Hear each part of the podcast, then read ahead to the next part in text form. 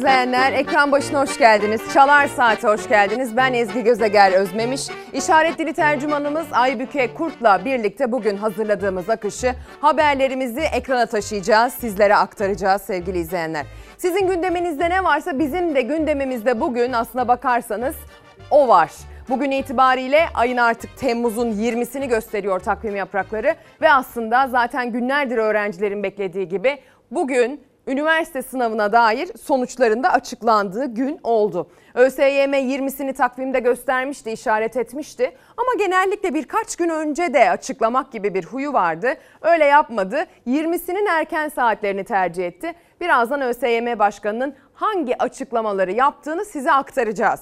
Dünün en çok konuşulan siyasi başlığı malumunuz CHP içerisindeki sızıntı toplantı videosuyla ilgili. Bununla ilgili kim ne söyledi, ilave hangi gelişmeler oldu bunlardan da bahsedeceğiz. Ama bugün aynı zamanda bizim için tarihi ve önemli bir gün. İsterseniz hangi gazetelerin ilk sayfasına bu tarihi ve önemli gün yansımış diye de bakalım. Yeni Çağ gazetesi bugünü sür manşetten değerlendirmiş. Kıbrıs Türk'ünün Kurtuluş Bayramı. 20 Temmuz 1974'te Kıbrıslı soydaşlarımızı Rum soykırımından kurtarıp özgürlüğe kavuşturan Kıbrıs Barış Harekatı'nın 49. yıl dönümü coşkuyla kutlanıyor diyor. Hadi o zaman 49. yıl dönümü kutlu olsun Kıbrıs Barış Harekatı'nın.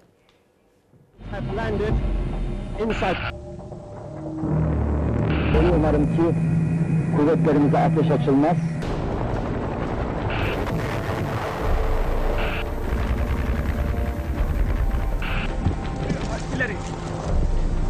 İleri. İnsanlığa ve barışa büyük bir hizmette bulmuş olacağımıza inanıyoruz. 1974 yılı alev alev yanan Kıbrıs'a başlatılan harekatın ilk cümleleriydi bunlar. Dönemin başbakanıydı Bülent Ecevit. Zulümden bağımsızlığa ulaşan bir ateşin ilk kıvılcımıydı harekat. Türk askeri barışın ve bağımsızlığın ilk adımını attı. 20 Temmuz 1974'te Kıbrıs Barış Harekatı'yla Türk ordusu adaya huzur getirdi. Silahlı kuvvetleri ateş açılmadıkça ateş etmeyeceklerdir. Savaş için değil, barış için Kıbrıs'tadırlar. 1974 yılında Akdeniz'in ortasında küçük bir ada dünya devlerinin oyun alanına dönüştürülmeye hazırlanıyordu. Rumlar Yunanistan'dan destek alıp darbe yapmıştı. Yunanistan'ın hedefinde uzun vadede adayı ülkelerine bağlamak vardı. Adadaki Türklere saldırılar başladı. Türkiye bu saldırılara dur demek için harekete geçti. Önce diplomatik yoldan tüm açmazların üzerine gidildi. Ama diplomasi işe yaramayacaktı. Türkiye Zürih ve Londra anlaşmasından aldığı yetkileri kullandı. Duruma müdahale etti. Kıbrıs Barış Harekatı için düğmeye basıldı. Six, four minutes past six, and the first of the Turkish troops have landed in Cyprus. İnsanlığa ve barışa büyük bir hizmette bulmuş olacağımıza inanıyoruz. The very first paratroopers are now hitting Cyprus soil. Over there, Alan. 20 Temmuz sabahı saatler 6.05'i gösterdiğinde gökyüzü Türk paraşütçüleriyle doldu.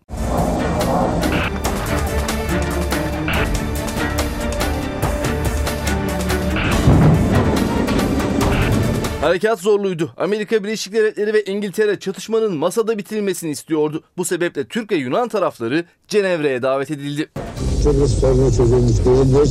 Biz sadece e, bizi kesin sonuca götürecek olan yolun önündeki engelleri, demir kapıları açtık. Cenevre'de görüşmeler devam ederken adadaki Türk köyleri tehdit altındaydı. Görüşmelerden sonuç çıkmayacağı belli oldu. Dışişleri Bakanı Ankara'yı aradı ve o tarihi cümleyi kurdu.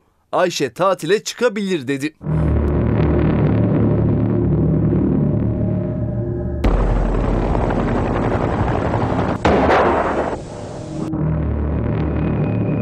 İkinci harekat başladı. Türk ordusu Kıbrıs'a çıktı. Kısa sürede de adanın %35'inin ele geçirildiği haberi geldi. Bölgede yaşayan Türk halkı güvene kavuşturulmuştu.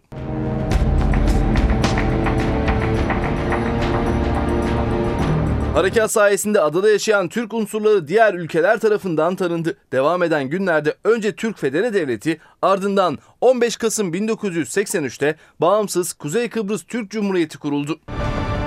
Kuzey Kıbrıs Türk Cumhuriyeti'nin bağımsız bir devlet olarak kurulduğunu dünya ve tarih önünde ilan ediyoruz.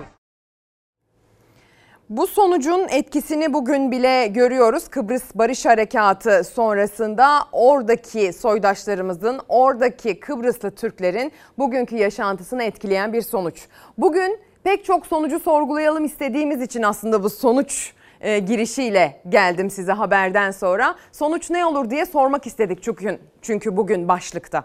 Sonuç ne olur diye soracağınız bütün süreçleri sorgulayalım istiyoruz birlikte. Tabii ki önem sırası size kalmış durumda. Twitter ve Instagram üzerinden yazacaksınız. Biz de sizin sonuç ne olur diye sorduğunuz konu başlıklarını bol bol okuyup ekrana taşıyacağız ve böylece kamuoyunu bilgilendirmiş olacağız sizin gündeminizden. Tabii bir de bugün YKS sonuçlarının açıklanmış olması da bize bu konuda biraz ilham verdi itiraf etmek gerekirse. Hadi gelin o zaman Profesör Doktor Bayram Ali Ersoy'un yani ÖSYM Başkanı'nın sabahın erken saatlerinde tüm sınava girmiş öğrencileri uykusundan eden o açıklamasını dinleyelim. Yüksek Öğretim Kurumları sınavının tamamlanmasıyla birlikte başlayan heyecanlı bekleyiş bugün sona erdi. Ölçme, seçme ve yerleştirme merkezi ÖSYM olarak 3,5 milyondan fazla adayımızın beklediği 2023 YKS sonuçlarını açıklıyoruz. Hayırlı olsun. An itibariyle ÖSYM Gov.tr adresimizden sonuçları öğrenebilirsiniz. Sonuçların açıklanmasıyla birlikte dereceye giren adaylar da belli oldu. Başta adaylarımız olmak üzere bu sürece katkı sağlayan tüm öğretmenlerimizi ve eğitim camiamızı, evlatlarımızı en iyi şekilde sınava hazırlayan velilerimizi, ailelerimizi tebrik ediyorum. Adaylarımızın başarılarının devamını diliyorum. Eğitimlerini en verimli şekilde tamamlayacaklarına ve ülkemize faydalı vazifelerde bulunacaklarına olan inancım tamdır.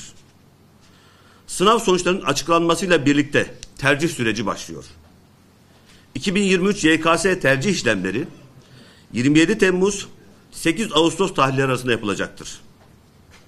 Öncelikle adaylarımız ilgi ve yeteneklerini dikkate almalı, tercih etmeyi düşündüğü bölümlerle ilgili meslekleri iyi araştırmalılar.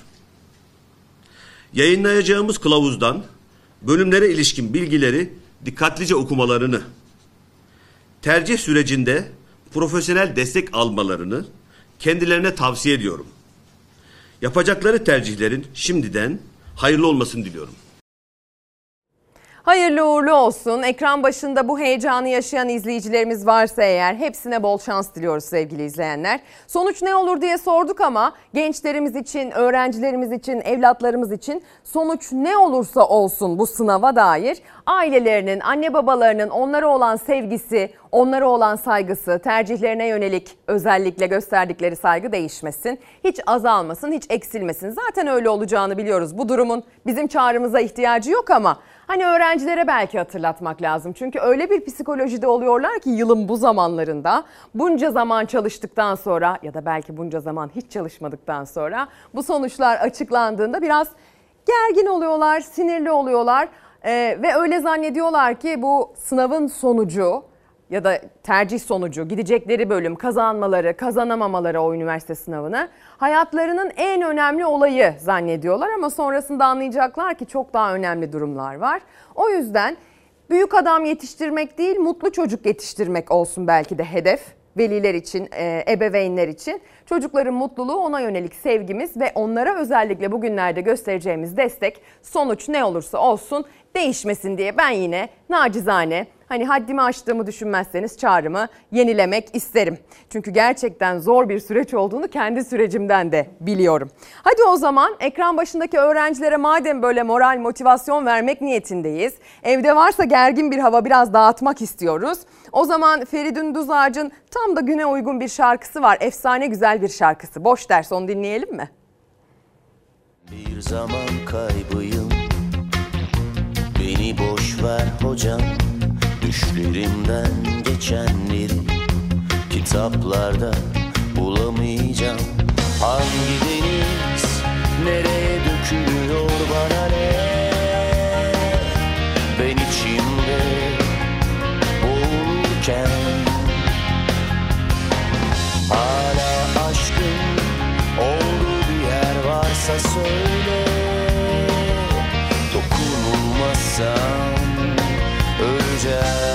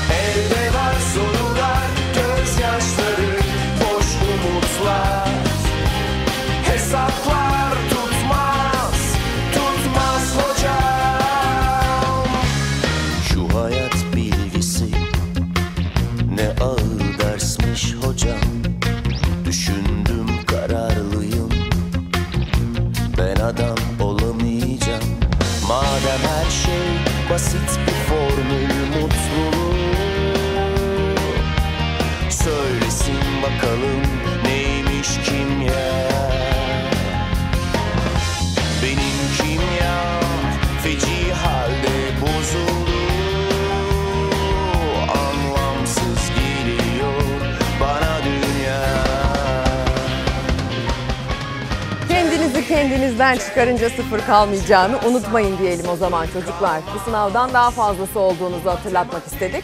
Bu sınavdan hayat da daha fazlası. O yüzden bugünler gelip geçecek bu bir süreç. Bu süreci iyi değerlendirmek gerektiğine ben de katılıyorum anne babanız gibi. Evet geçen yıl çalışılmalıydı gerçekten. Hakkı verilmeliydi bu senenin. Ama bu son şans değil ya da karşınıza çıkan ilk ve son fırsat değil. O yüzden biliyorum bu zamanda öğrenci olmak, geleceğinizle ilgili umutlanmak, işle ilgili bir iş bulmak, bir meslek sahibi olmakla ilgili hayal kurmak kolay değil. Hayata atıldıktan sonra bir hayat kurmak işte ne bileyim nedir ilk akla gelen en klasik çok eleştiriliyor artık Z kuşağı tarafından ama bizim zamanımızda en azından temel taşlar bir araba almak, bir ev almak gibiydi. Bunları yapmak da artık eskisinden çok daha zor ama bu yapamayacağınız anlamına gelmiyor. E, betonu delen kardelenlerin hikayeleriyle dolu bu ülke. O yüzden ben inanıyorum ki bu ülkenin gençliği özellikle zekasıyla, dilinin kuvvetiyle ve mizah gücüyle içinde bulunduğu her türlü zorluğu aşacak psikolojik gücü kendinde buluyor. Öyle bir mizahi yeteneğimiz var ki ve bunun çoğu siz gençlerden geliyor, genç kardeşlerimizden. Her türlü durum, içine girdiğimiz her türlü trajik mesele e, bizim aslında aynı zamanda gücümüze de dönüşebiliyor. İzahı olmayan pek çok şeyin mizahını yaparak bu ülkeye aslında zaman zaman çok sevsek de ülkemizi zaman zaman katlanır vaziyette oluyoruz bu mizahi yaklaşımlarla. Diyelim gençlerimiz için bugün heyecanlı bir gün demiş Fersan Kurt gönderdiği mesajda. Nabi Kamışlı da mesaj gönderiyor. Tüm kurum sınavlarında mülakatlar kaldırılsın diyor. Sonuç ne olur başlığının altına. Bir diğer izleyicimiz sonuç ne olur sorgusu yapmış Ruhi Becenek. Sonuç ne olur bilemiyorum ama artık emin olduğumuz çok şey var. Örneğin bir kez daha anladık ki biz maaşlarımıza zam istemiyoruz. Biz emekli ikramiyesiyle ev alınabilen Türkiye'yi geri istiyoruz demiş. O zaman gündemin gerçeklerine bugünün en çok konuşulacak başlıklarına bir geri dönelim mi? Şöyle bir geçiş yapalım. Bugün itibariyle tabii ki en çok konuşulacak konu başlığı CHP'deki sızıntı video olacaktır en azından siyaset cephesinde. Cumhuriyet gazetesi diyor ki toplantı sızdı, ortalık karıştı. CHP'deki değişim tartışmaları yeniden alevlendi. İBB Başkanı Ekrem İmamoğlu'yla CHP'nin üst düzey isimleri arasındaki Zoom toplantısının 14 dakikalık kısmı dün internete sızdı. Toplantıda parti meclisi üyeleri Bülent Tezcan, Tekin Bingöl, Muharrem Erkek, Onursal Adıgüzel'le Grup Başkanı Özgür Özel, Grup Başkan Vekili Gökhan Günaydın gibi isimler yer aldı.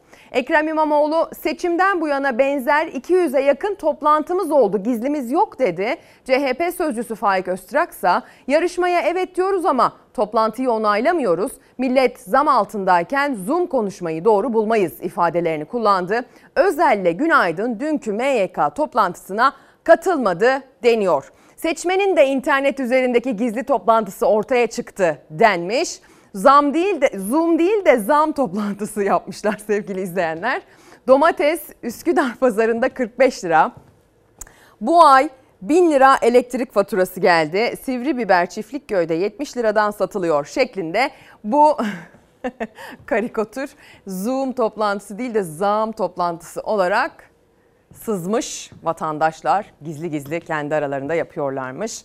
Her ne kadar gülsek de aslında çok da gülünecek bir durum yok galiba CHP açısından. Herkese kolay gelsin. Parti meclisi süreciyle ilgili bir zemin oluşturmaya dönük bir kararlılık göstermiştik. İkincisi alternatif bir olağanüstü kurultay süreci olabilir mi? Elimizdeki veriler üzerinden bir heyet konuşulmuştu. Bu ve benzeri belki 200'e yakın toplantımız olmuştur. Bunlar devam edecektir, devam ediyor. Gizli bir tarafı yok. Partimizle tabanımız arasında oluştuğunu gördüğümüz ancak genel merkezimiz tarafından yok sayılan duygusal kopuşa bir çare arıyoruz. Ve yaklaşan yerel seçimlerden en güçlü biçimde çıkmanın yolunu açmayı istiyoruz. Partimizin kongreler süreci hızla ilerlerken, partimizin geleneklerine uymayan, hiyerarşisini dikkate almayan, etik olmayan toplantıları da doğru bulmayız. Değişim tartışmasının yaşandığı CHP'de gündem sızdırılan toplantı. Katılımcılar Ekrem İmamoğlu, CHP Grup Başkanı Özgür Özel, CHP Grup Başkan Vekili Gökhan Günaydın, eski Grup Başkan Vekili Engin Altay, eski Genel Başkan Yardımcıları Onursal Adıgüzel, Bülent Tezcan, Muharrem Erkek, Selin Sayıkböke ve Tekin Bingöl gündem parti meclisini olağanüstü toplantıya çağırma, olağanüstü kurultay. Ekrem İmamoğlu gizli bir toplantı değil dedi. Özgür Özel yok sayılan duygusal kopuşa çare arıyoruz diye konuştu. Genel merkez etik değil tepkisini gösterdi. Engin abi yine uzaydasın.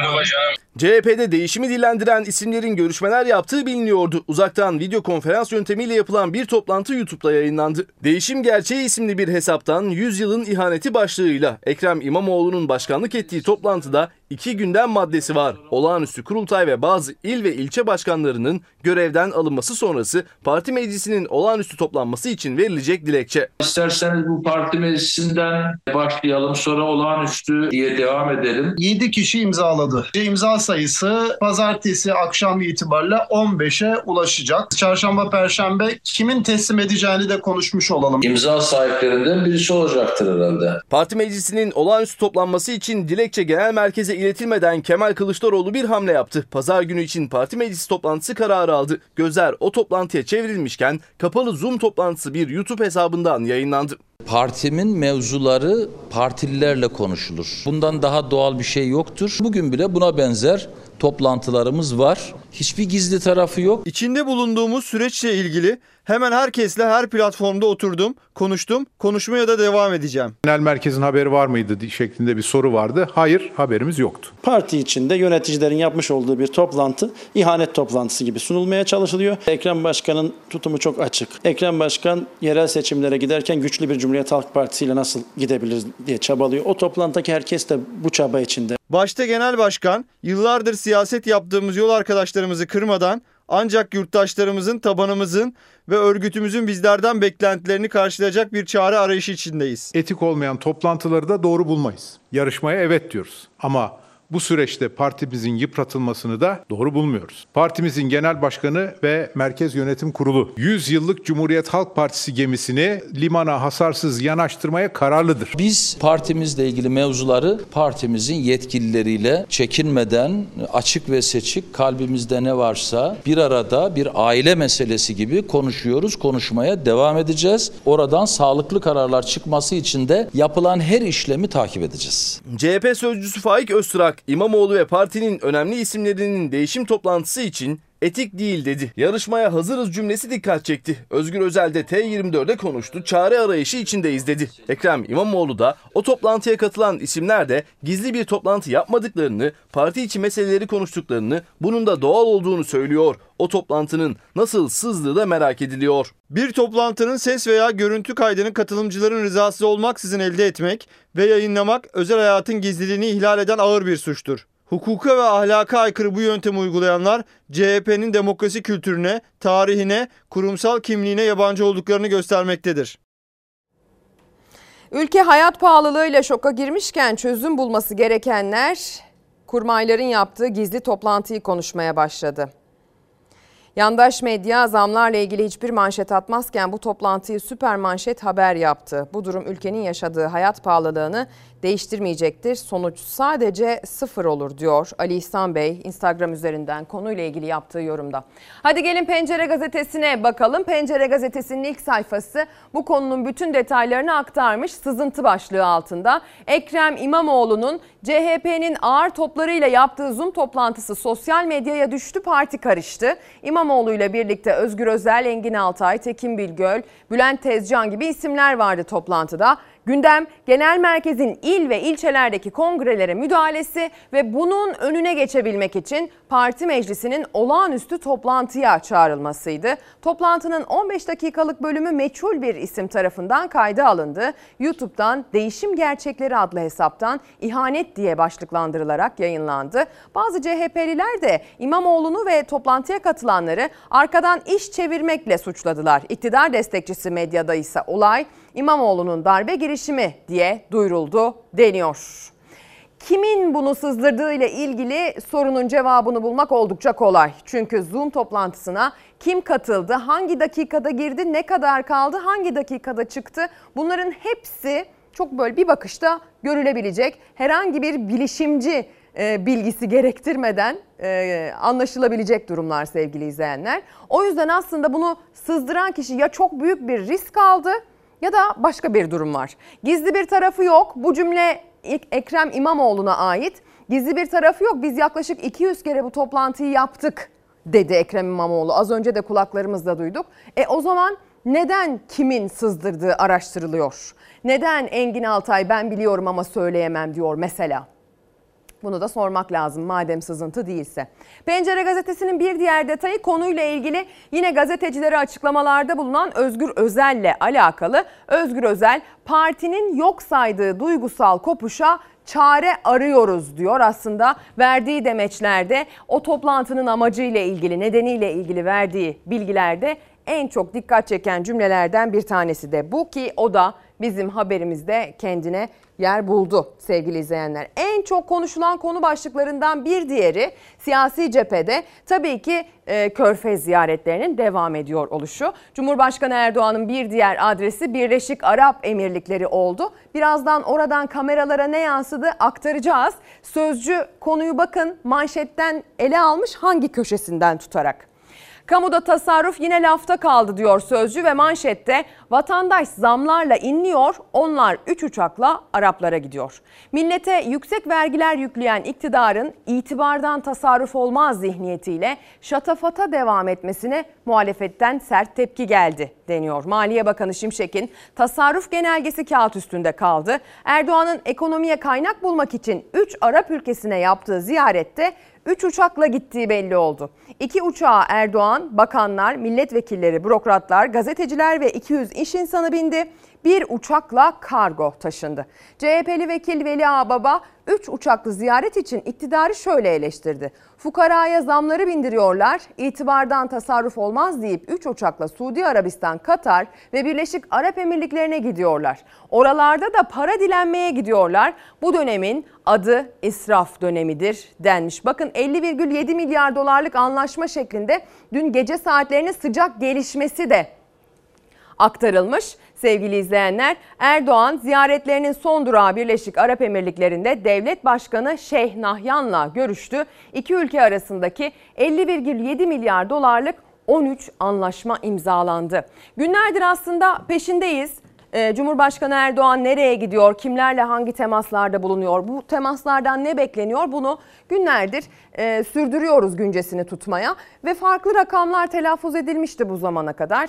10 milyar dolar getirecek Cumhurbaşkanı Erdoğan bu ziyaret ziyaretten diyenler olmuştu. Hayır 24, hayır 25 milyar dolar getirecek diyenler olmuştu. Akşam saatlerinin sıcak gelişmesiyle 50,7 milyar dolarlık anlaşmalar serisinin bilgisi düştü sevgili izleyenler ve sadece Birleşik Arap Emirlikleri ile bakın detaylarında ne var.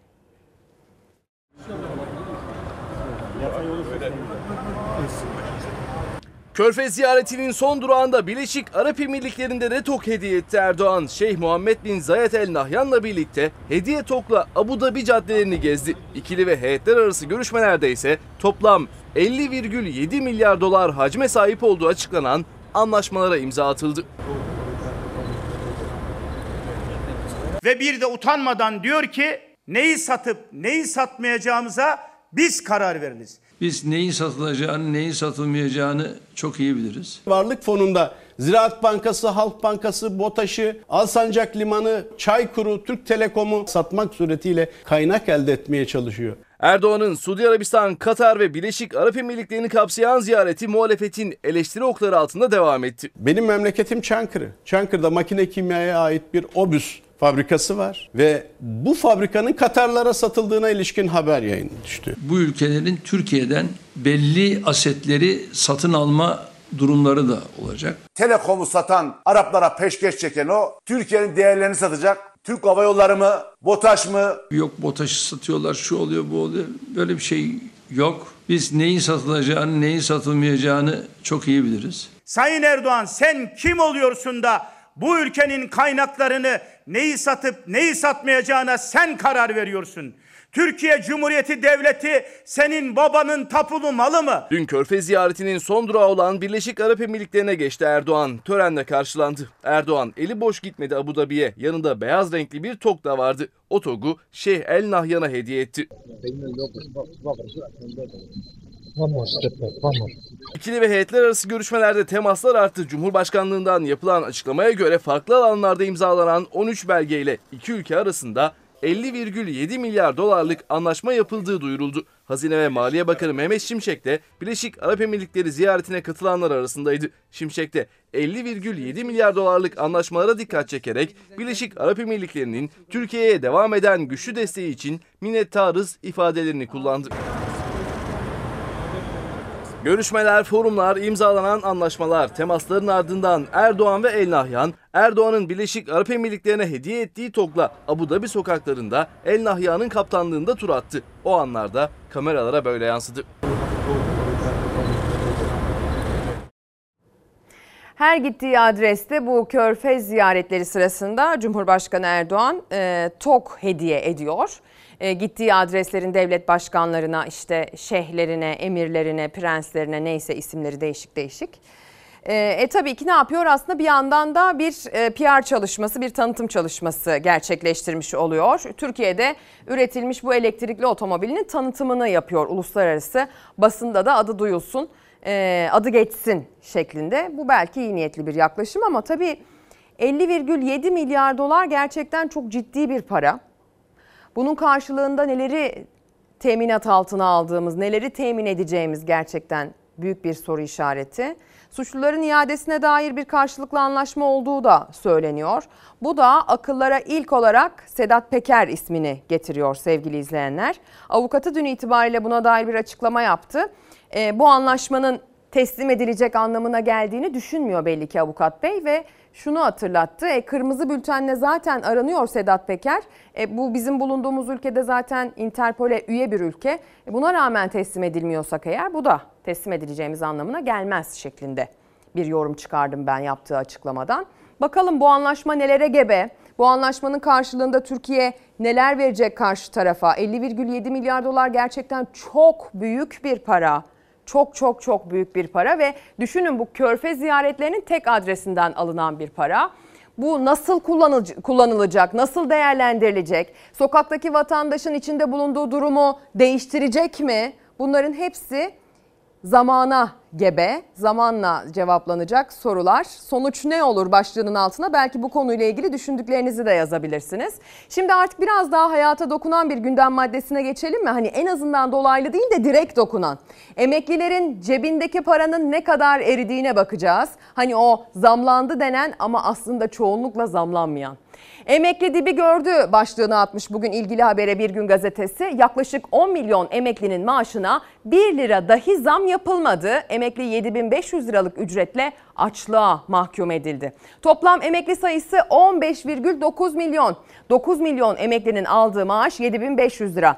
En düşük memur emeklisi maaşı 9876 lira. Emekli memur maaşının çalışan memura oranı %45. EYT ile emekli olup çalışmaya devam eden sayısı ise 1 milyon 639 bin lira diyor. Bir gün gazetesi bir grafik hazırlamış bununla ilgili. Bir de emeklilerin nereye harcadığına bakmış kalem kalem. Gıda harcaması 5 bin, Ulaşım abonmanı 917 lira, telefon 300, elektrik 221, içme suyu 276, su 168, toplam harcama 6882 deniyor. Bir dip toplamda bulunmuş. Ellerine bu durumda 7500 lira alanların ne kadar kalıyor? İşte buradan siz hesaplayın. Ama tabii buradan şu sonuçta çıkmasın. E yetiyormuş o zaman gibi bir sonucun çıkmasına da sebep olsun istemeyiz. Çünkü aslında açıklandığından bugüne ne satın alabildiğine bakarsanız yarı yarıya eridiğini görüyorsunuz o emekli maaşının. Kök maaş icat etmişler. Bir domatesin 40-50 liraya olduğu, peynirin 200 lira, etin 400 lira olduğu bir dönemde emeklinin, memurun, dar gelirlinin durumu elbette ki perişan. Zam bana yansımadı. 7500 liraydı. 7500 yatacak. Seçim öncesi en düşük emekli maaşını 5500 liradan 7500 liraya çıkardım demişti. Çıkardı. Kök maaşa zam yapıldığı için bundan etkilenmiyoruz. Seçim öncesi 7500 liraya yükseltildi en düşük emekli maaşı. Temmuz döneminde ise aynı kaldı. Emeklilerin yarısından çoğu maaşına zam alamadı. %25 zamlı maaşlar yatırılmaya başlandı ama kök maaşı 6 bin lira ve altında olanlar geçen ayla aynı aylığı aldı. Seçim öncesine göre ise 7500 liranın alım gücü yarıya düştü. Kök aylık e, mağduru ben de mağdurum. Artışı kök artışa göre yapınca e, bi- bizimkiler 7500'de kaldı. Yani vicdanen büyük bir vicdansızlık. Emekliler çifte mağduriyet yaşıyor. En düşük emekli aylığına zam gelmedi. Maaşlarının yarıya yakını da dolar karşısında eridi. Verilen maaş her gün eriyor, her gün eriyor. Dolar yükseliyor, altın yükseliyor. %25 zam vermiş olsa bile yarın o misliyle geri alınıyor. Ben asgari ücretten fazla alıyordum. Şimdi şu anda asgari ücrete yetişemiyorum. Hani ben hani eğer asgari ise geçinmek işte o asgari de yokuz biz. Biz hiçiz, bitmişiz, bitiyiz. 7500 lira olarak inşallah bu akşam buradan açıklamış oluyoruz. Hayırlı olsun. Seçimden önce Cumhurbaşkanı Erdoğan duyurdu. 5 Nisan'da da yürürlüğe girdi 7500 liralık en düşük emekli maaşı. O gün karşılığı 390 dolardı. Ancak dolar yükseldi, alım gücü düştü. Artık 278 dolara denk geliyor. Zam da görmeden 7500 lira almaya devam eden emeklinin maaşı 112 dolar. Yani 3018 lira eridi. Neredeyse maaşının yarısını kaybetti. Bir daha Ocak ayına kadar zam yapılmayacağını düşünecek olursak 7500 liranın nereye geleceğini düşünemezsiniz. Muhtemelen artık o 3000 lira gibi olacak yani yılın sonunda. Ben ilk aylığımı aldığımda 9 tane çeyrek alıyordum 2001'de. Şimdi iki tane çeyrek alıyorum. Hatta iki buçuk diyelim yani üç. Daha nereye kadar eriyecek, daha ne olacak o da belli değil. Gram altında yine 5 Nisan'da 1250 liraydı. Yeni rekorla artık 1718 lira. Emekli 2 gram altın kaybetti. Bu da 3436 liraya karşılık geliyor. İlk aldığım günkü emekli maaşıyla satın alabildiğim altın ya da dövizi satın almam mümkün değil. Mutsuzuz. Emeklilerin tamamı mutsuz. Alım gücü denen şey ciddi anlamda düştü. Vah bize vah bize vah bize. Plan yapıyorum. Bugün bunu alırsam yarın bunu alamam. Her şeyden kıstım. Her şeyden. Biz bunu mu hak ediyoruz insan olarak? Niye ben e, gidip bir yerde yemek yemek bana lüks olsun? Evet kimse bunu hak etmez. Hele ki bu ülkeye emek vermiş, dirsek çürütmüş, bu ülke için çalışmış e, tecrübeli vatandaşlarımız asla hak etmezler sevgili izleyenler. Bir izleyicimiz Dahan Bey haddini Bilbao kullanıcı adıyla gönderiyor. Yakında bizi de satacaklar. Sonuç bu yani. Ülke elden gidiyor, kimsenin gıkı çıkmıyor diye bir mesaj göndermiş. Bugün itibariyle Merkez Bankası bir toplantı gerçekleştirecek saat 14'te. Politika faizi için bir araya gelecek kurul e, faizi arttıracak diye bekleniyor. %8,5'tan %15'e arttırılma kaldırılmıştı faiz. Nas tartışmaları raftan inmişti. Hani faiz asla artmayacaktı. Cumhurbaşkanı daha seçimden 15 gün önce bunu söylememiş miydi soruları soruldu. Ama sonrasında Cumhur İttifakı'nın diğer bileşenlerinden de destek verilerek bu faiz artışı gerçekleştirildi. Bugün için %17,5'a çıkarılacak, %20'ye çıkarılacak şeklinde beklentiler söz konusu. Bakalım Birleşik Arap Emirlikleri'nden gelecek olan 50,7 milyar dolar bu durumu değiştirecek mi? Ya da belki de az evvel haberde izlediğiniz biz bunu mu hak ediyoruz de, de- diyen emekli vatandaşın sözlerine, sorununa bir çare olacak mı? Bakalım sonuç ne olacak? Sonuç ne olur? Başlığının altında değerlendirelim. Ha bir de Bugün itibariyle bir beklenti. Altını çiziyorum beklenti. Çünkü artık böyle ilerliyor bu süreç. Önceden net bir şekilde bilme şansımız vardı. Artık pek olmuyor. Ee, zam beklentisi. 1 lira 55 kuruş. Hani geçen e, hafta içerisinde devasa bir ÖTV zammıyla ne olduğumuzu şaşırdık ya. İşte onun üzerine motorine 1 lira 55 kuruş daha zam gelebilir bu geceden itibaren. Beklenti. Aklınızın bir kenarında olsun. Hani depo boşsa falan bilemiyorum artık. Şimdi sizi Sivas'ta doğup Samsun'da denize dökülen Kızılırmağımıza götüreceğim. Durum içler acısı. Bildiğiniz zift veyahut da petrol akmakta. Zift kokusu var şu anda. Kızılırmak'ta ne olduğu bilinmeyen bir görüntü. Herkes endişeliydi. Kirliliğin kaynağının çok geçmeden yakıt atığı olduğu belirlendi. Balık ve içindeki yaşayan canlılara verdiği zararı da ben anlatamam yani hiçbir türlü. Yazık günah ya ne bileyim. Şu anda böyle olmaması lazım. Zift başladığından beri de balık hareketi kesti. 1355 kilometre ile Türkiye'nin en uzun nehri Kızılırmak. Nehrin yüzeyinde denizlerde oluşan yakıt kirliliğine benzer bir durum fark etti Sivaslı amatör balıkçılar. Ya dehşete kapıldık. Gerçekten de bu Kızılırmak yetim değil yani. Yalnız yazıktır, günahtır. Burada o binlerce canlı yaşamakta bu ırmağın içerisinde. Kirliliğin şehir altyapısından Mısmılırmak Deresi kolektör hattından Kızılırmak Nehri'ne ulaştığı ve yakıt atığı olduğu belirlendi. Ancak yakıt atığının hangi noktadan şehir altyapısına ulaştığı tespit edilemedi. Mesela sorumlusu kimse bunun cezasını çekmesi lazım. Şimdi de gururlanalım istiyoruz. Bir kadının başarısıyla gururlanacağız. Benim hayallerim şu anda olduğum yer değildi aslında. Bilgisayar bana ortaokul ve lise yılları boyunca biraz korkutucu geldi. Çünkü çevremdeki insanların benden daha çok şey bildiğini gö- görüyordum. Kendimin geri kaldığını hissediyordum. Ve o nedenle ben bilgisayar alanında başarılı olamayacağımı düşünüyordum. Doktor Ece Kamar, bilim dünyası onu Amerika'da yapay zeka alanında yaptığı çalışmalarla tanıyor. Kamar, yapay zekanın kötüye kullanımını önlemek için projeler üretiyor. Aslında programlamanın, bilgisayar biliminin ne kadar bir e, bulmaca çözmek, problem çözmekle alakalı bir şey olduğunu keşfettiğim zaman benim kafamdaki bilgisayara karşı olan duvarlar yıkıldı. Doktor Ece Kamar 2005 yılında Türkiye'de bilgisayar bilimi ve mühendisliği programını tamamlamasının ardından Harvard'da doktora yaptı. Şimdi dünyanın en büyük bilgisayar teknoloji firmalarından birinde yönetici. Amerika Birleşik Devletleri'nde çalışmasına rağmen her yıl Türkiye'ye geliyor. Öğrenci ve genç akademisyenlerle buluşuyor. Üniversite tercihlerini yapacak gençlere önerilerde bulunuyor. Benim tavsiyem bu değişime ayak uydurabilecek, kendilerine e, kritik düşünme yeteneklerini verebilecekleri, geleceği hayal edebilecekleri ve farklı alanlarla iletişim kurup bakış açılarını genişletebilecekleri e, üniversiteleri araştırmaları ve bu tarz alanlarda eğitimlerini e, sürdürmeleri yönünde. Aslında eğitim uzmanları da böyle tavsiye ediyor. Madem bugün sınav sonuçları açıklandı ben de hemen onu aktarayım. Diyorlar ki artık disiplin seçme zamanı. Yani sosyal bilimler mi, fen bilimleri mi diye bir disiplin seçmeniz gerekiyor. Sonra biraz daha daraltacaksınız. Hangi sosyal bilimler branşına yöneleceğinize dair gazetecilik okumak istiyorsanız sadece gidip gazetecilik bölümlerini araştırmakla kalmayın. Mesela sosyolojiye de bakabilirsiniz şeklinde böyle disiplinleri kendi eğiliminiz, yöneliminiz, hedefiniz, neyden zevk aldığınıza göre seçerseniz sonrasında çok büyük adam olmak zorunda değilsiniz ama mutlu bir birey olabilirsiniz. İşinize giderken ayaklarınız geri geri gitmezse. Dolayısıyla bölümde bitmiyor iş sizde bitiyor. Okulla ilgili biraz ama okulla da aslında tam olarak ilgili değil. Kişi kendini nasıl inşa ederse geleceği de ona göre şekilleniyor. O yüzden bol bol kitap okuyacağız.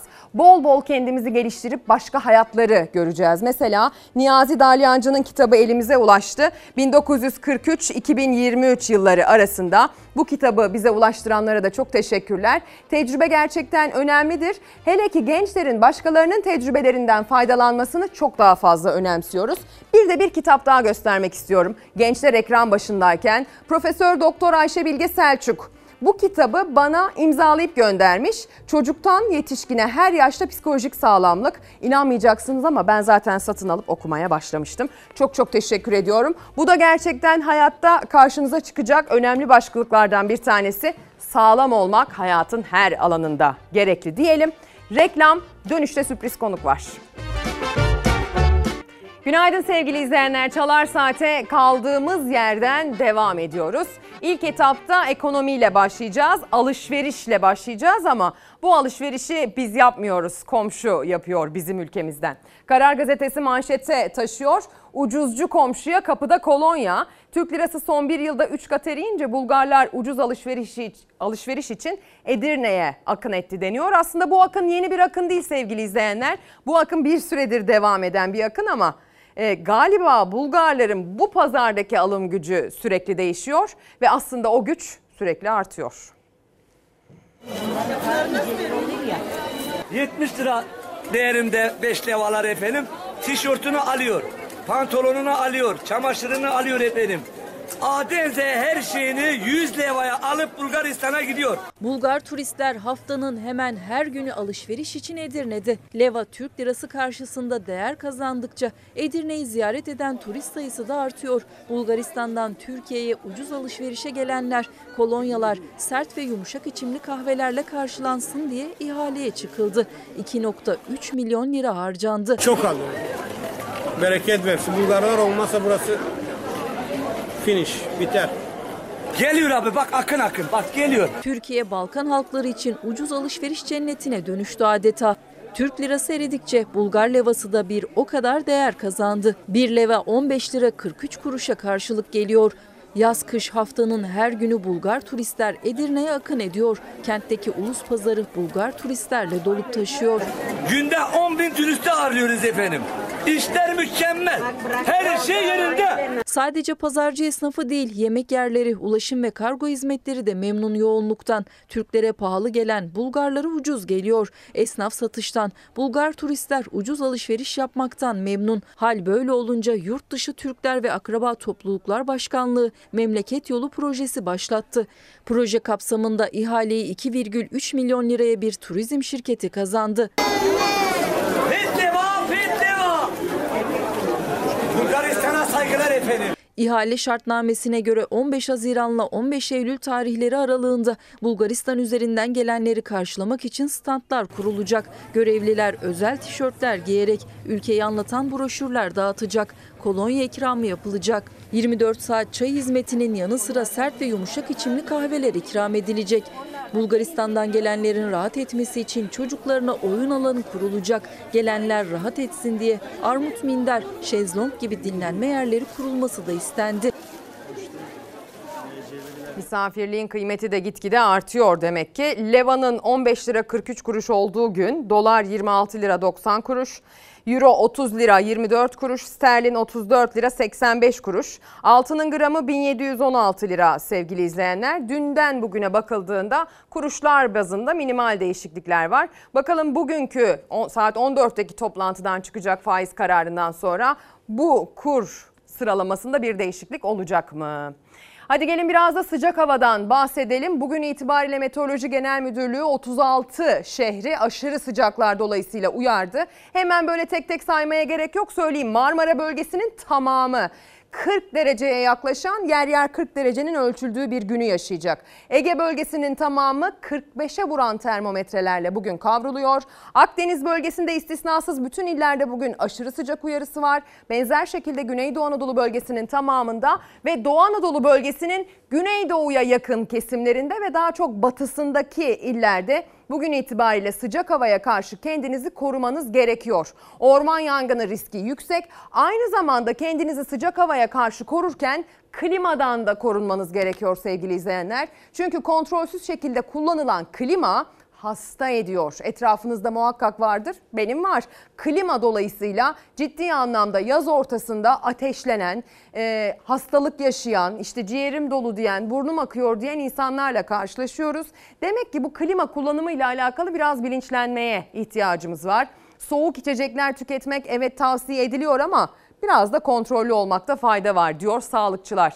Cuma gününe bakalım. Cuma günü de aslında sıcak bir gün olacak. Hatta perşembeden cumaya haritam diyor ki hava daha da ısınacak. Bugün meteorolojinin uyardığı iller arasında İç Anadolu bölgesinin kuzeyindeki iller var. Eskişehir, Belki biraz Ankara, Çankırı çevreleri bugün itibariyle zaten dikkat edin bugün hava çok sıcak şeklinde uyarıyı aldı. Ama İç Anadolu bölgesinin tamamında artık yarın itibariyle sıcak hava ile ilgili alarmın rengi kırmızıya dönüyor. Zaten hafta başından beri söylüyoruz. Çarşamba gününden itibaren sıcaklık grafiği sürekli yükselecek pazar gününe kadar. Pazar gününden sonra sıcaklıkların bir nebze olsun normallere dönüşünü hissedeceğiz. Hissedilir olacak pazardan pazartesiye. Ama yine de tabii ki yaz mevsiminin devam edeceğini de hatırlatalım. El Nino etkisinin süreceğini Dünya Meteoroloji Örgütü açıkladı ve El Nino'nun kavuracağı ülkeler, bölgeler listesinde biz de varız. En çok nereleri kavuracak El Nino? Marmara, Ege, Akdeniz, Güneydoğu Anadolu bölgesi ve iç kesimler. Karadeniz ve Doğu Anadolu bölgesi nispeten daha az etkilenecek ama etkilenmeyecek diyemiyoruz. Bu sene hava sıcak, bu sıcak havanın oluşturduğu risklere karşı lütfen gözümüz açık olsun diyelim. Şimdi Cumhuriyet Gazetesi'ni rica edeceğim. Cumhuriyet Gazetesi'nden bir detay, önemsediğimiz bir konu başlığı, bir eylem. Diyor ki kadınlar layık eğitim istiyoruz diyorlar.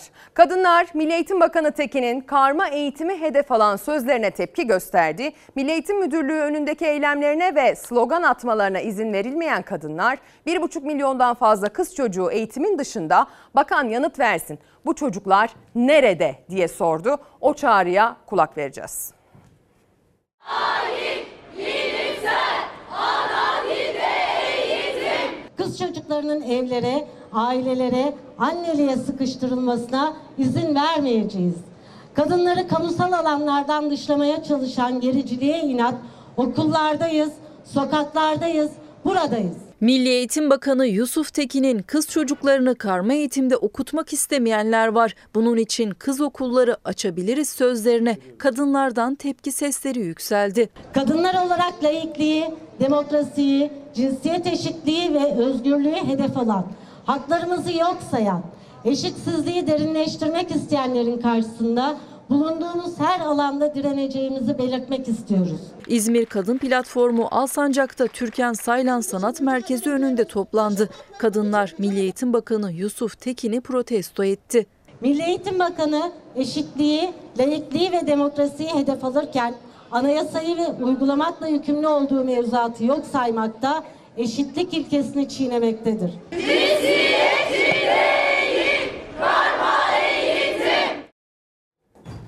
Bu da bu haftanın en çok tartıştığımız konu başlıklarından. Bu başlığı tartışırken dedik ki farkında mısınız sene 2023? Laik eğitimi tartışıyoruz, karma okulları sorguluyoruz. Bunun tarihi bu olmalı mıydı dedik. Türkiye Cumhuriyeti'nin 100. yılında olduğumuzu hatırlatırken. E sonrasında da ne oldu? Milli takım, voleybol takımımız güzel bir altın madalyayla, güzel bir smaçla cevap verdi aslında bu tartışmaya. Şimdi Barış Terkoğlu'na bu tartışmayı sorarak sohbete başlayacağım. Anons ettiğim sürpriz konuğum gazeteci Barış Terkoğlu'ydu.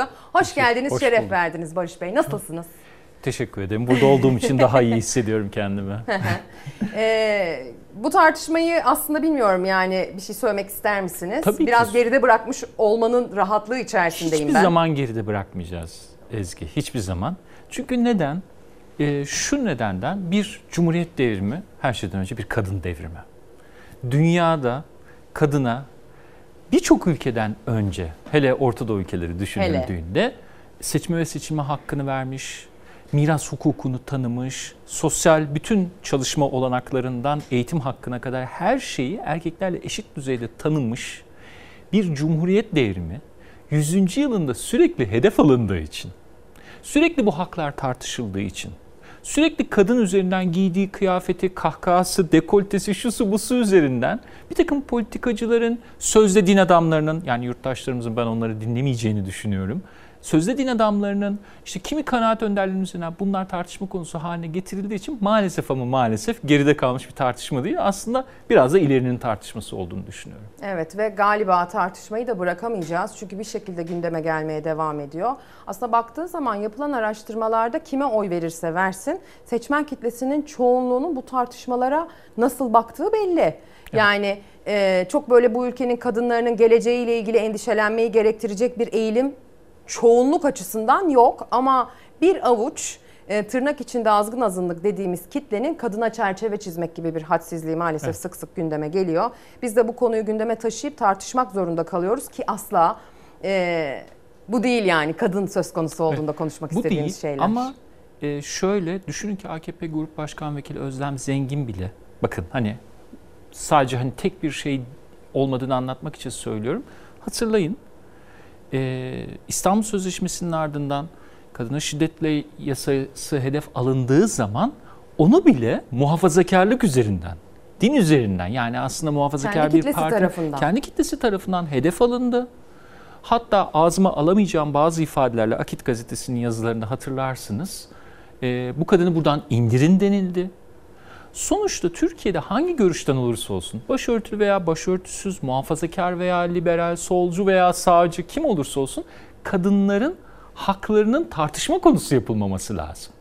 Ama şu an tartışma konusu yapıldığı için maalesef bunu konuşmak durumunda kalıyoruz ve aslında konuşmak zorundayız da. Belki de bunun e, bugünkü içinde bulunduğumuz ekonomik durumla ilgisini de daha somutlaştırmamız gerekiyor. Daha anlaşılır kılmamız gerekiyor. Tabii ki.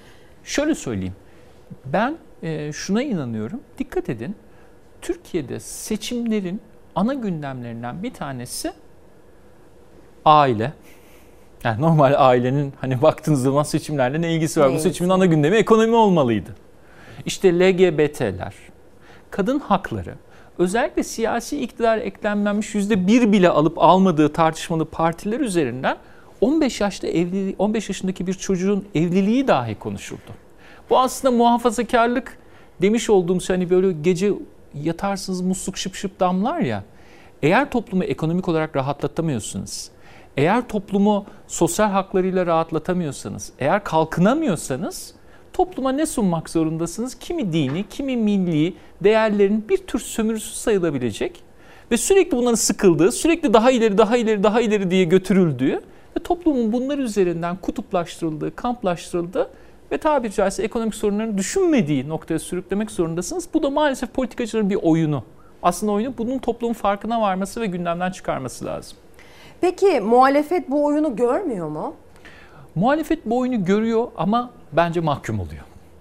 Neden mahkum oluyor? Şöyle ki Türkiye'de son dönemde bu tür tartışmalar yani bu tür e, laikliğin ortadan kaldırılması, modern değerlerin yok edilmesi meseleleri üzerinden muhalefette şöyle bir şey belirlendi. Buna karşı çıkmak yerine Bunları tar- hayır tartışma konusu yapamazsınız. %99.9 dahi oy alsanız bakın bir kadının e, anayasal özgürlüğünü tartışamazsınız demek yerine acaba biz de bu mesele üzerinden oy alabilir miyiz? Acaba biz de hani o kitlelere bunun üzerinden bir takım vaatlerde bulunabilir miyiz? Acaba bunun üzerinden o kitleyle bir mutabakat kurabilir miyiz şeklinde ikinci bir yöntem seçildi. Ve o yöntem maalesef siyasi iktidarla onun söylemi üzerinden bir tür yarışma psikolojisine sokuldu muhalefet. Çerçeveyi iktidar çiziyor. Ve bu da hep iktidarı kazandır. Yani bu öyle bir şeydir ki hani e, açıkçası dinin siyasetin konusu olmaması gerektiğini savunan bir insanım. Ben bütün yurttaşların inancına saygılıyım. Ama dini siyasetin içine sokarsanız bu Tayyip Erdoğan'a veya AKP'ye veya onun üzerinden yıllardır politika yapan insanlara kazandırır. Ama muhalefet bu çerçeveyi bence aşamadı. Yani e, aslında bu ülkede din üzerinden eğer muhalefet ve özellikle sol görüşlü insanlar bir yanıt vermek ve tavır ortaya koymak istiyorlarsa bunun kendilerine bir faydası olmayacağını aslında artık Şu- anlamış olmalılar diye düşünüyorum. Bu Bak, tamamen Ezgi. muhafazakar siyaseti kendine şiar edilmiş kitleye fayda sağlayan bir durum yani. Ben saksıda yetişmedim. Ben İstanbul'da muhafazakarların yaşadığı bir mahallede büyüdüm.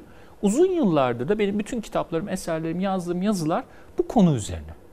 Bugün gazeteyi, Cumhuriyet Gazetesi, benim de gazetemi açıp ana sayfasına baktığınızda menzil cemaati içerisinde Menzil Şeyh'in ölü, oğul, öl, Menzil Şeyh'in ölümünün ardından üç oğlu arasındaki ayrışmayı anlatıyor. Bakın baba öldü. Üç oğlu bir köyün içinde, aynı köyün içinde üç farklı camide vaaz verecekler. Üç farklı camide tövbe alacaklar. Üç farklı camide üç ayrı cemaat olacaklar bir köyün içinde. Köye de köy demeye bir inşa ettiler bu arada. Demiş olduğunuz şey sizi neden koruyor biliyor musunuz? İşte bu görüntüden koruyor. Yani sizi inanç üzerinden ayrışmaktan bir köyün içinde bile camilerinizi ayıracak kadar inançlarınızı ayrıştırmaktan koruyor. Senin inancın sana, benim inancım bana, onun inancı ona. Kimse kimsenin inancına karışamaz diyor laiklik.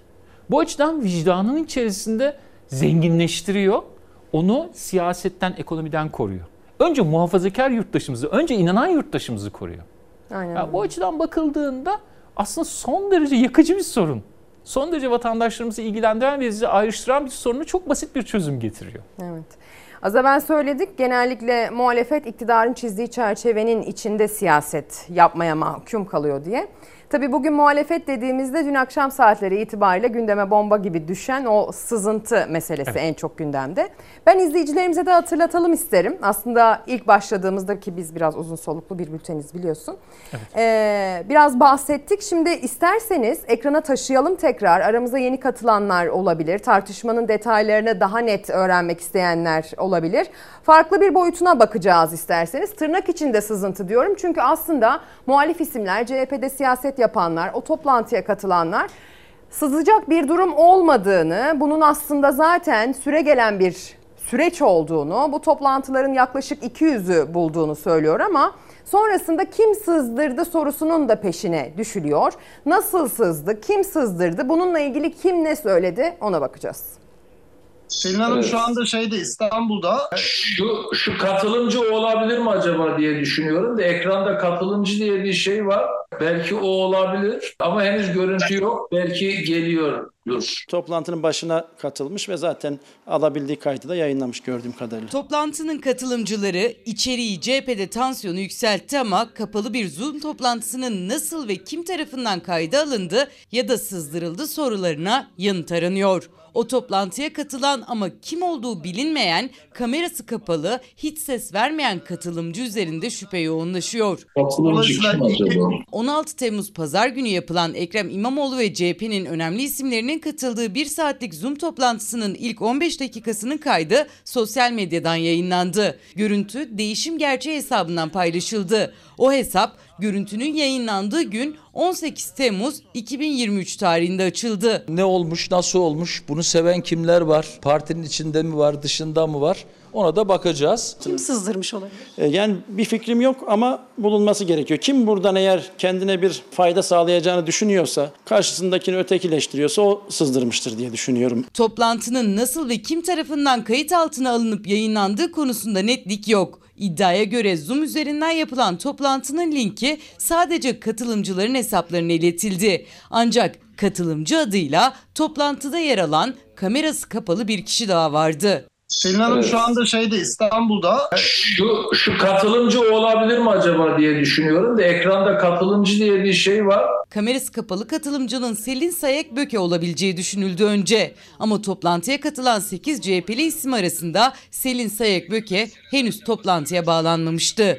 Dakikalar ilerledikçe ne kamerası açıldı ne sesi duyuldu. İmamoğlu şüphelendi. Katılımcı kim acaba? Tabii Ekrem Başkan onu fark etti orada ekranda. Fakat o katılımcının Selin Hanım olabilme ihtimalinden kaynaklı olarak bir süre e, toplantıda kaldı ama maalesef sızan bir katılımcıymış. O linke nereden ulaştı ve toplantıya nasıl girdiğini iyi bir şekilde araştırmak gerekiyor. 9. katılımcı toplantıya katılması asıl beklenen Selin Sayek Böke toplantıya girince kaydı durdurup toplantıdan ayrıldı. O kişinin toplantı linkine nasıl ulaştığı, sızdığı bilinmiyor. Görüntüyü de o kişinin ya da bağlantılı olduğu kişilerin yayınladığı iddiası var. Toplantının başına katılmış ve zaten alabildiği kaydı da yayınlamış gördüğüm kadarıyla. Bir yanda CHP Genel Merkezi'nin etik olmayan dediği toplantının tartışması, diğer tarafta toplantı nasıl ve kim tarafından sızdırıldı, o katılımcı kim soruları.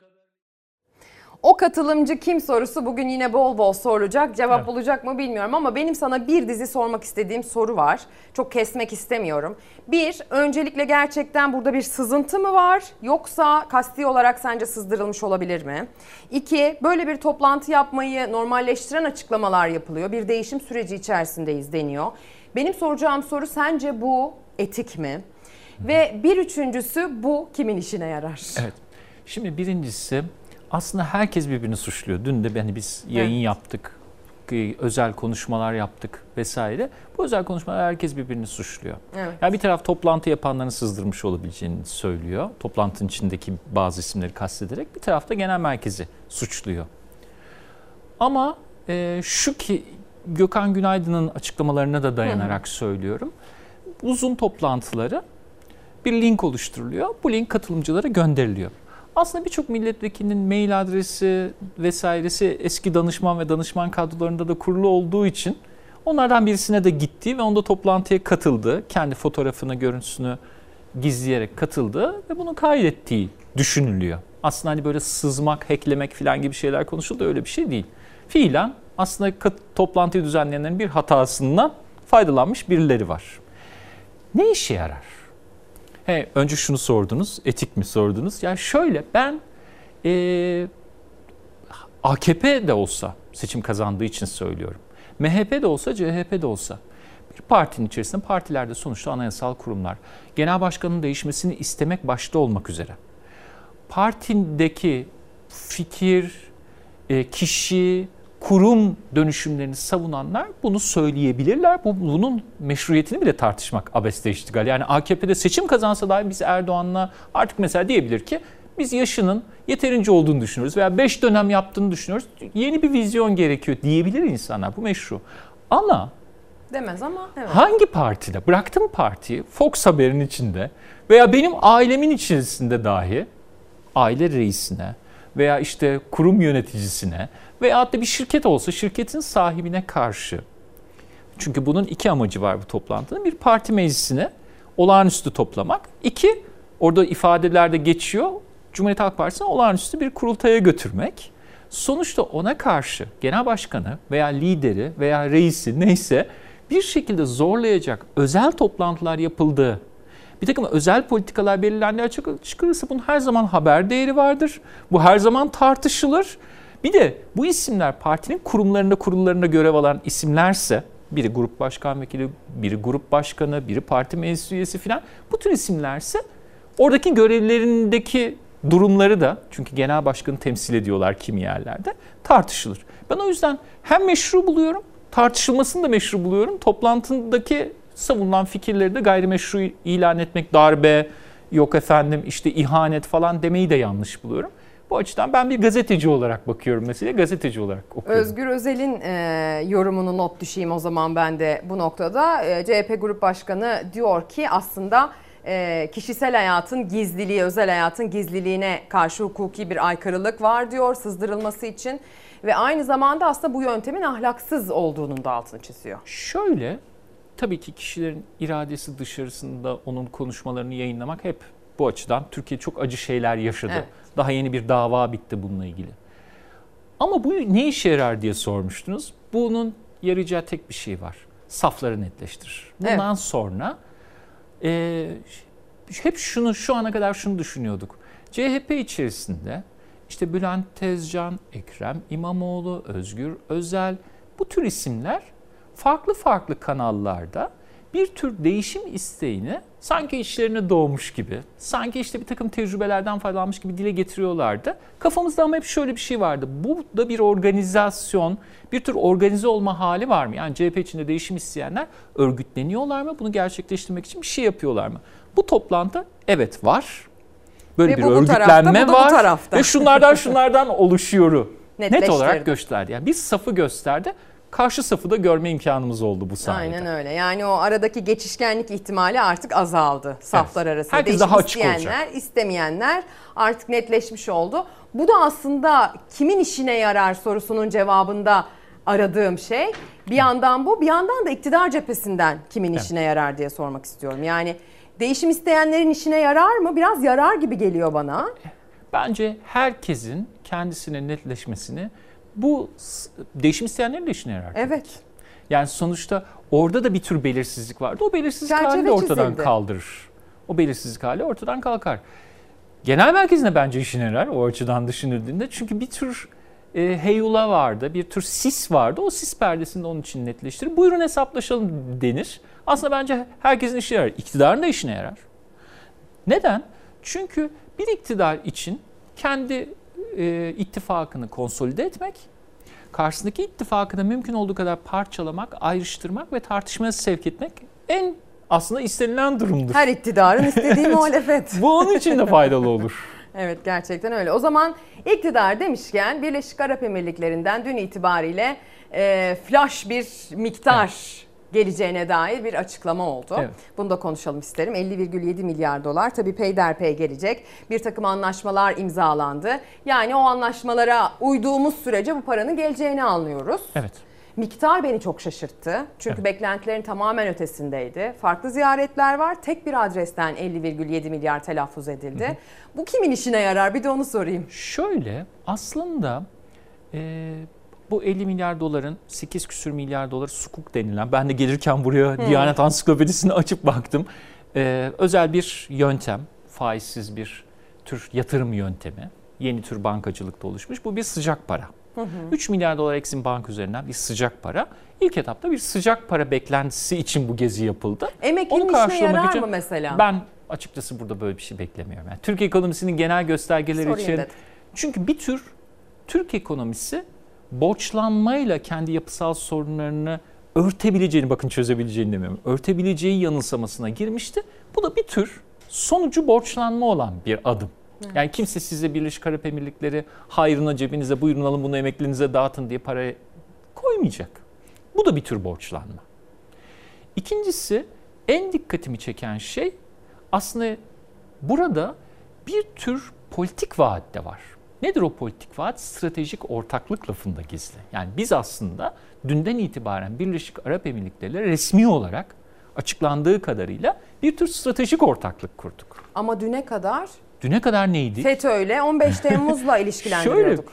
düşün ki Ezgi 50 milyar dolar diyorsun ya çok değil birkaç sene önce hükümet kendisi İçişleri Bakanı Süleyman Soylu başta olmak üzere e, Dışişleri Bakanı Mevlüt Çavuşoğlu olmak üzere bizzat Cumhurbaşkanı dahil olmak üzere bizi iktidardan düşürmek için darbe girişimi planlayanlara 3 milyar dolar verdi Birleşik Arap Emirlikleri demişti. Evet.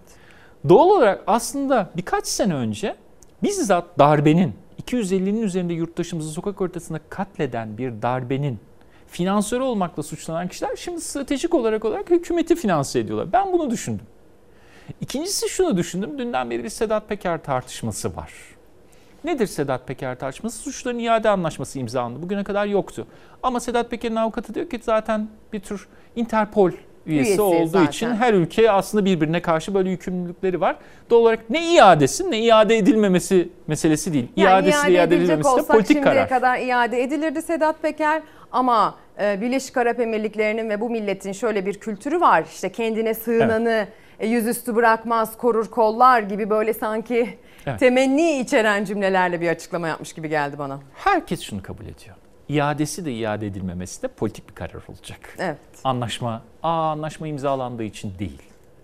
Bu açıdan benim aklıma o da şunu getirdi. Ben bu kitabı da getirmiştim sana. Evet, SS ben de kitabını. burada hazır bekliyorum imzalatmak yani, için. Adını verdiğim Süleyman Soylu.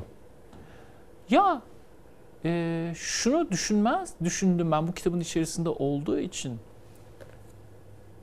Sedat Peker'in kendisi yurt dışına çıkarken önce biliyorsun Balkan ülkelerinden oraya doğru gitti. Yanında devletin koruması vardı.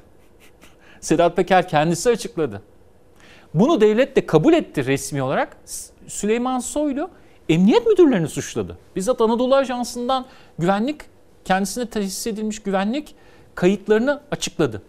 Emniyet Müdürünü, İstanbul Emniyet Müdürünü, kamuoyu önünde İstanbul Emniyet Müdürü ile tartıştılar. Ben Birleşik Arap Emirlikleri'nin yerinde olsam siz de bu anlaşmayı imzaladık ve Sedat Peker tartışılıyor ama siz kendiniz Korudunuz. bu şahsı korumak için yurt dışına giderken dahi başına bir şey gelmesin diye koruma verdiniz. Buyurun kitabın içinde var. Ya hepsini geçtim. Kim tartıştık Sedat Peker'le birlikte? SBK'yı tartıştık. Bizzat siz yurt içinde SBK'nın başına gelir diye, bir şey gelir diye mallarındaki tedbiri kaldırdınız. Arkasından yurt dışına çıkış yasağını kaldırdınız.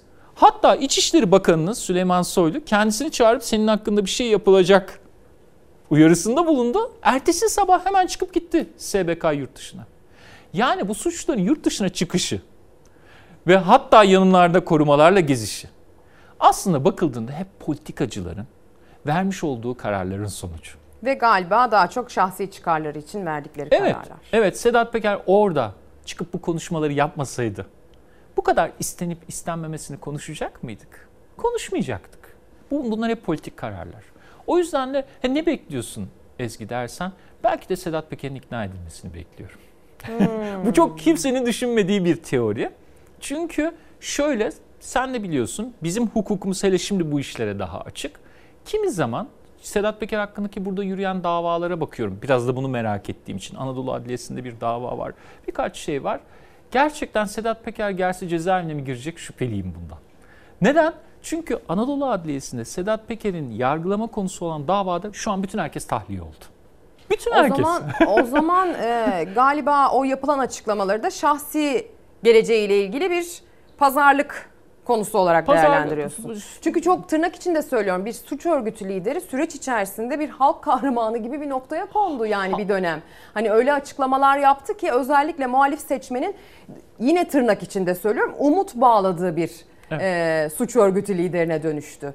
Sence böyle bir hani ben vatan millet Sakarya duygusuyla bu açıklamaları yapıyorum diyen isim aslında şahsi geleceğiyle ilgili pazarlık mevzusu için mi bu açıklamaları Kimseye yapıyordu? hani böyle benim yakıştırmam olsun istemem. Bir komplo teorisi de yapmak istemem. Ama Sedat Peker konuşurken birkaç kez topluma dedi ki ya ben, de burada çocuklarımın davasını hatırlayın. Hı hı. Eşinin iç çamaşır aşımı söylemek istemiyorum. El uzatıldığını, arandığını ve çok öfkelendiğini. Aslında şahsi de bir meseleyi ve bir dönem ilişkide olduğu bu kirli Evet. ilişkiyi deşifre etmek istediğini söyleyerek bu işe başladı. Evet. Haliyle e, bakıldığında Türkiye'deki yargı durumuna bakıyorum. Sedat Peker'in aslında Türkiye'ye geri dönse öyle yüzyıllarca içeride kalacağı falan bir durum yok ortada yani. Dediğim gibi aslında fiilen yargılandığı davalar çözülmüş. İkincisi e, azılı bir şekilde kavga ettiği politikacı Süleyman Soylu biliyorsun artık, Artık çekildi mecliste. Bu kavgada fiilen bitmiş durumda. Belki de Birleşik Arap Emirlikleri'ndeki hapsolmuş Sedat Peker Türkiye'ye gelip fiilen belki yurt dışı yasağı, belki kısa süreli hapiste olan Sedat Peker'den daha az tehlikesiz hale gelmiş. Türkiye'deki Sedat Peker daha az tehlikesiz hale gelmiş durumda. Kendisi için bile. Buna bakarak sadece belki de böyle bir anlaşma Sedat Peker'le de yapılabilir diye düşünüyorum. Yani öyle bir şeyden bahsediyoruz ki bir film senaryosu olsa, polisiye bir roman olsa heyecanla okuruz ama herhalde bunu bu ülkenin vatandaşları yapamazlar diye tahmin ediyorum. Ve sen böyle anlattıkça, konuştukça bu kitabın içeriğini daha çok merak eder hale geldim. Hazır seni bulmuşken e, seni sevenleri ve takip edenleri kıskandıracak bir hamle yaparak Evet, tabii bu ki. hemen kale. Benim kalemim var. Ha, senin. tamam ben bir kendiminkini bulamayınca panik oldum. Sana imzalıyorum. Evet lütfen çok sevinirim.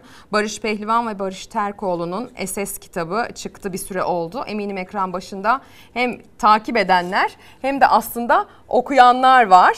Ama sevgili izleyenler şöyle heh, size yardımcı olayım arkadaşlar.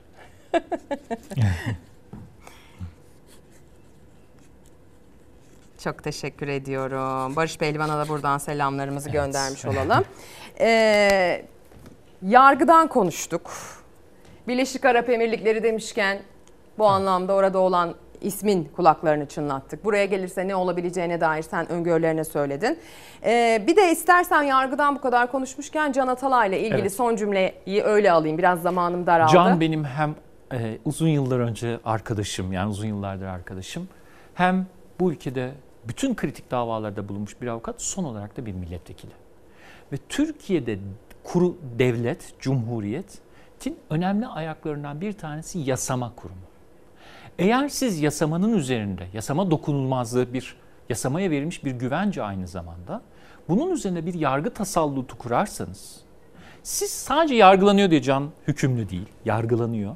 Yargılamasını bahane ederek onun ona oy veren yurttaşların yasama hakkını, yasa yapma hakkını fiilen elinden alırsanız bu aslında Türkiye'de başka bir vesayet sistemini getirmek demek. Bence canın kararında şerh düşen hakimin yazmış oldukları da bu açıdan çok net bir şekilde Türkiye'de belki de yeni demokrasinin üzerinde yeni tehlikeyi yani yargı gücü bahane edilerek, yasama gücü bahane, yargı gücü bahane edilerek yasamanın üzerinde bir tür baskı, demokrasinin üzerine bir tür baskı oluşturma tehlikesini gösteriyor.